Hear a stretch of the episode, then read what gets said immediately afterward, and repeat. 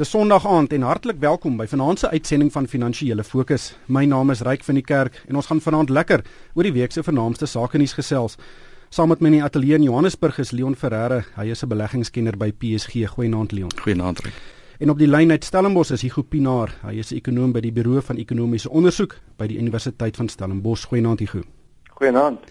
Ons gaan vanaand lekker gesels oor die arbeidssituasie in die mynbedryf wat wat hom tans op 'n baie ongemaklike mespunt bevind. En die markte het die week weer lekker wipplank gery. Daar was slegte nuus uit China, goeie nuus uit Europa en dan goeie en slegte nuus uit Amerika.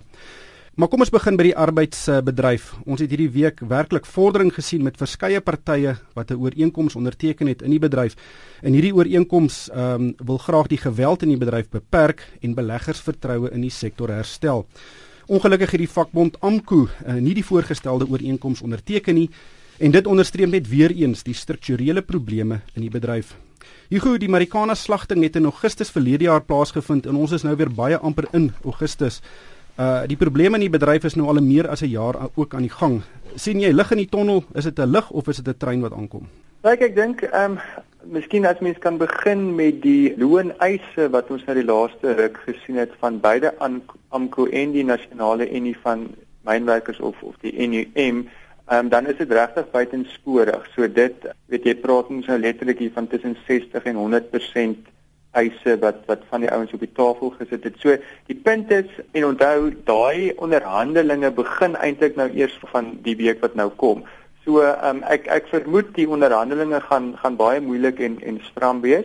Ehm um, so dis aan die negatiewe kant. Ehm um, ek dink aan die positiewe kant dat dit redelik lank vir die regering gevat om regtig tot ek wil amper sê tot die stryd toe te tree. Ehm um, maar ek dink die feit dat die adjunk um, president nou wel die partye by mekaar probeer kry, ehm um, dat ons wel in die gesprek tree die vakbonde um, die sake sektor en dan dan die regering. Um, dit is duidelik 'n positiewe teken. Die feit dat AMKU nou nie die ooreenkoms wil wil teken op die stadium is is natuurlik nou nou nie nie 'n goeie ding nie. Maar ek dink mense moet Ek weet nie hoe baie tyd mens daarin wil wil afstaan nie, maar ek dink aan uit AMKU se oogpunt, hulle wil eers die ding toets by hulle lede. Ek meen dit is in elk geval wat hulle vir vir ons sê.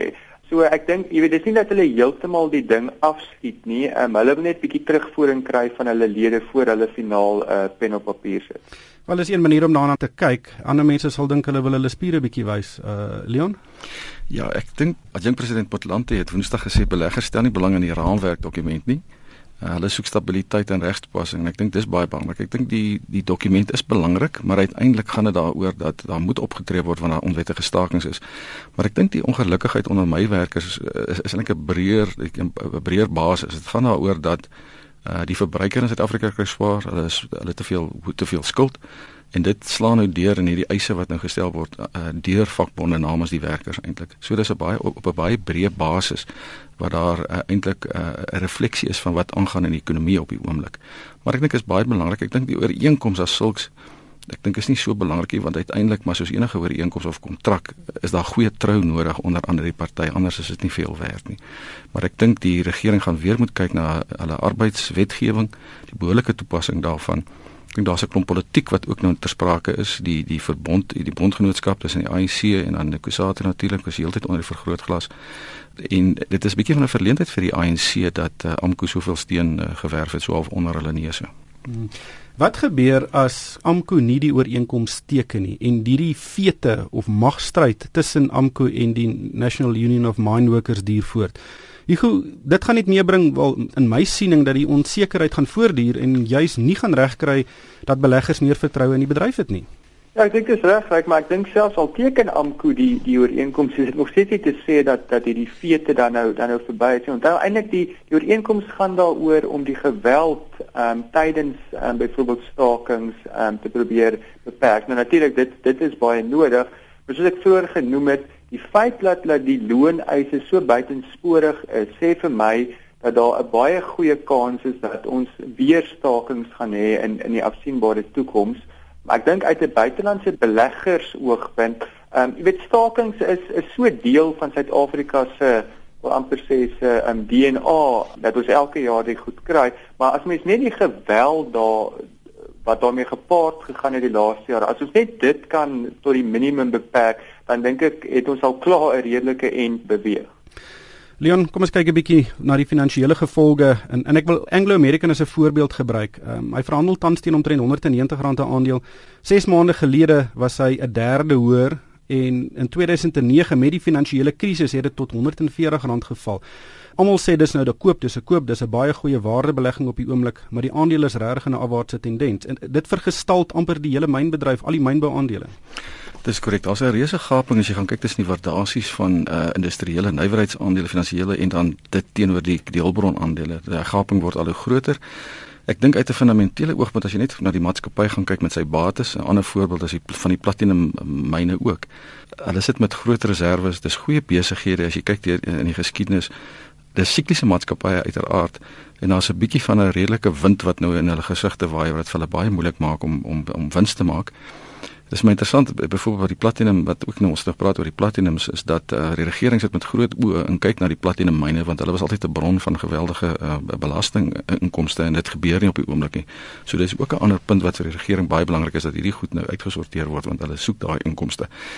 Maar oor die waardasie van Anglo as jy gaan kyk na sy onderliggende bates, ek dink uh, dit is baie aantreklik. Dit mag nog steeds aantrekliker raak vir 'n langtermynbelegger kan mens sekerlik nou begin kyk na iets soos Anglo American, dink soos Impala Platinum, jy soek maatskappye wat goeie reserves het. Markte is maar so dat uh, hulle op hierdie korttermyn nuus reageer. Hulle gaan daai prys afdruk tot waar ook al. Maar uiteindelik moet jy moet jy besef mens belê in 'n besigheid en en die vraag wat jy moet vra is maar gaan hierdie besigheid toemaak? Gaan hy aanhou wins maak of gaan hy weer omdraai? En ek dink die waarskynlikhede is met tyd ehm um, uh, lyk dit asof dit redelik aantreklik is. Ek sal nie noodwendig oorgewig wees nie want hierdie hierdie hierdie kopwinde wat nou waai moet eers uitgesorteer word. Bekkie Sebia van die uh um, Chamber of Mines het hierdie week gesê die helfte van die goud in die hmm. platinum myne ly verliese. So dit is nie asof jy baie goeie bates hier het uh, wat net wag om goeie winste te maak nie. Daar kan dalk uh, maatskappye wees wat regtig in finansiële probleme inhardloop. Dit is so dit kan dit kan geleenthede skep vir die sterker maatskappye. Jy weet dit is amper geval van die laaste ou wat staan gaan natuurlik baie sterk daar uitkom. Maar dit beteken dan moet geld spandeer word. Uh, Daar's kapitaalbestedings wat nou teruggesny word. Impala Platinum het toevallig nou net 'n groot skag in werking ge gestel. Dis interessant, dit is nie net Suid-Afrika nie. Ek dink die die hele kommoditeitssiklus het, het het amper tot stilstand gekom. Daar was 'n super siklus van omtrent 10 jaar wat nou amper op 'n einde is klaar blyklik. So dis nie net Suid-Afrika nie, ons sien dit in Australië ook. China is besig om terug te sny, so daar's 'n minder uh, aanvraag vir daai produkte. So al die maatskappye gaan baie mooi moet kyk wat hulle vorentoe gaan doen. En dit mag wees dat daar 'n konsolidasie plaasvind. Die groot probleem natuurlik met die konsolidasie is daar is die, die werkloosheid. Daar's 'n klomp mense wat hulle werk gaan verloor. Maar dit is 'n feit dat uh, daai besighede wat nie wins maak op die oomblik nie, dit kan ook net vir tyd duur en dan gaan hulle moet besluite neem. Die groot hartseer was dat waar Anglo American Platinum byvoorbeeld met 'n plan vorendag gekom het, het die regering gesê jammer, julle kan nie daai mense uh, laat gaan nie. En dit as hulle nie die mense kan laat gaan nie, is die die werklike die voortbestaan van daai besigheid word daardeur geraak. So uiteindelik moet die regering besef waar moet hulle inmeng, waar moet hulle nie inmeng nie. In hierdie geval dink ek moet hulle baie versigtig wees. Ek gou kom ons kyk 'n bietjie na die buiteland. Ons het uh, nuus uit China, um, Europa en Amerika gekry. Maar kom ons begin by China. Um, dit lyk of daar 'n finansiële krisis is en dat hulle ekonomiese groei dalk bietjie laer gaan wees as wat hulle dink. Wat is jou siening van wat nou in China gebeur? Ja, ek dink dit, dit sluit nou mooi aan ehm um, oor die as mens dit nou wil herlei na kommoditeitspryse en en en die die maatskappye. Ek dink dit is verseker so dat die vooruitsigte vir kommoditeitspryse het dramaties ehm um, verswak die laaste paar maande. Ons sien wat met die met die pryse gebeur. En ek en ek is ook bietjie bekommerd as mens selfs as mens 12 maande in die toekoms inkyk, weet hoe daai pryse kan lyk. In terme van die Chinese storie, hulle groei verlangsaam nou al vir vir etlike kwartale Ons is redelik sterk net rondom 8% jaar op jaar in die eerste kwartaal van die jaar, maar as jy nou kyk na van die data wat uitgekom het vir die tweede kwartaal, die aankope bestuursindekse aan die vervaardigingkant is is onder 50 nou vir die laaste 2 maande. So die lank en die kort is is dat dit is duidelik die, die groei gaan waarskynlik verder verlangsaam in in die tweede kwartaal. Ek wil net verduidelik 'n groei van onder 50 punte beteken eintlik dit is besig om in te krimp. Dit is besig om uh kleiner te word. So dit groei glad nie. Ja, weet jy, weet jy reg, ek dink, jy weet mense moet nou versigtig wees in in China is dit dan nou nie regtig die geval nie. So hulle hulle nywerheidsproduksie, die die werklike syfers is nog steeds besig. Dit groei nog steeds, maar net teen 'n heelwat stadiger tempo as as waaraan mense gewoond geraak het in ehm um, sien en onthou die die PMI meet ook 'n maand op maand ehm um, syfer is nie jaar op jaar nie. So die maand op maand heeltemal tereg ehm um, dui waarskynlik daarop dat dat dat dit inkrimp. Maar ek dink, jy weet, China het het, het 'n hele klompie probleme. Die een is ehm um, dat daar oorkapasiteit is in in 'n verskeidenheid van van sektore, ehm um, geweldige subsidies wat die regering betaal histories, maar aanhou om om dit te doen in in om om uh, maatskappye ehm um, insentief of 'n aansporing te gee om produksie uit te brei in sekere sektore waar mense eintlik sou dink produksie moet nou ingekrimp word. So daar's redelike onproduktiewe um, infrastruktuur wat in plek gesit is gedurende die um, finansiële resessie toe die regering in China groot bedrag geld beskikbaar gestel het daarvoor, maar dit het nie noodwendig altyd in die mees produktiewe sektore in ingegaan nie. So ek dink mense begin nou 'n bietjie die ehm um, die uitval ehm um, daarvan sien. So die Chinese regering het 'n groei teiken vir BBP van 7.5% um, vir die jaar en dit lyk nou asof dit is nou nogal 'n goeie kans dat hulle dit nie ehm um, gaan haal nie. Nou natuurlik 7.5% groei, dit gaan nog steeds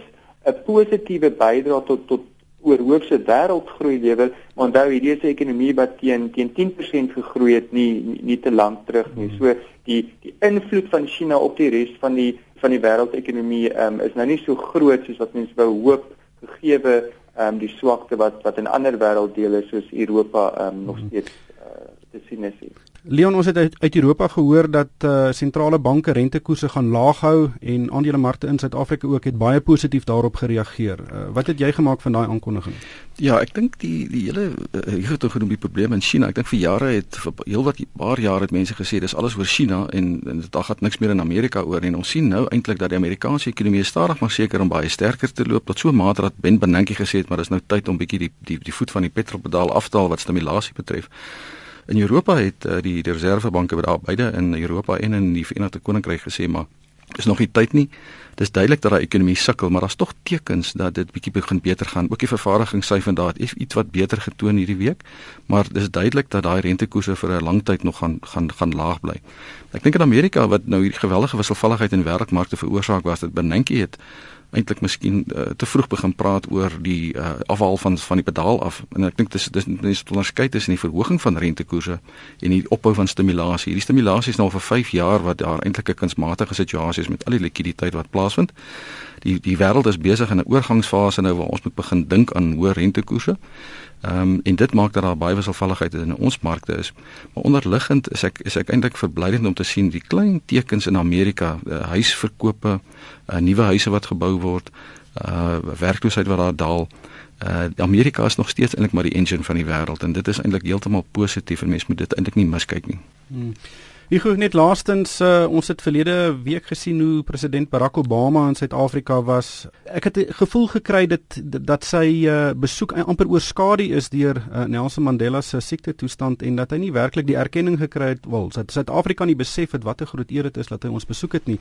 In hierdie week daarna was dit ook eintlik baie stil in die media. Ek wil net verwys vinnig na die AGOA wetgewing. Dit is die wetgewing wat Amerika ingestel het om handel tussen Afrika en Amerika te bevorder dink jy sy besoek gaan dalk enige positiewe impak hê op langtermyn vir die ekonomie van Suid-Afrika en die res van Sub-Sahara Afrika? Ek dink reg die groot die groot storie was dat hierdie AGOA wetgewing ehm um, is is is net in plek tot 2015. So die groot vraag is of president Obama daai wetgewing gaan ehm um, verleng en en dit natuurlik nou wat wat president Zuma en en en van ons ander mense ehm um, vir hom erg uh, gelobby het as ek dit Engels kan gebruik um, om dit wel te doen. Nou ek dink verseker daai wetgewing het 'n positiewe impak op op Afrika handel na Amerika gehad. Um, interessant dat dat um, in Suid-Afrika se geval ons het 'n handelsoorskot uh, met Amerika gehad in 2012. Sohoewel ons um, oorhoofse handelsrekening in 'n redelike skerp um, tekort is, um, lyk dit wel of ons uitvoer ehm um, gestimuleer word deur hierdie AGOA ehm um, wetgewing. So ek dink dis dis waarskynlik die die belangrikste deel van van die besoek is as as dit ekonomiese voordele uh, kan hê vir ons op op langer termyn. Ongelukkig het die tyd ons ingehaal. Baie dankie aan Leon Ferreira van PSG en die Gopinaar van die Buro van Ekonomiese Onderzoek en van my ryk van die kerk. Baie dankie vir die saamkuier.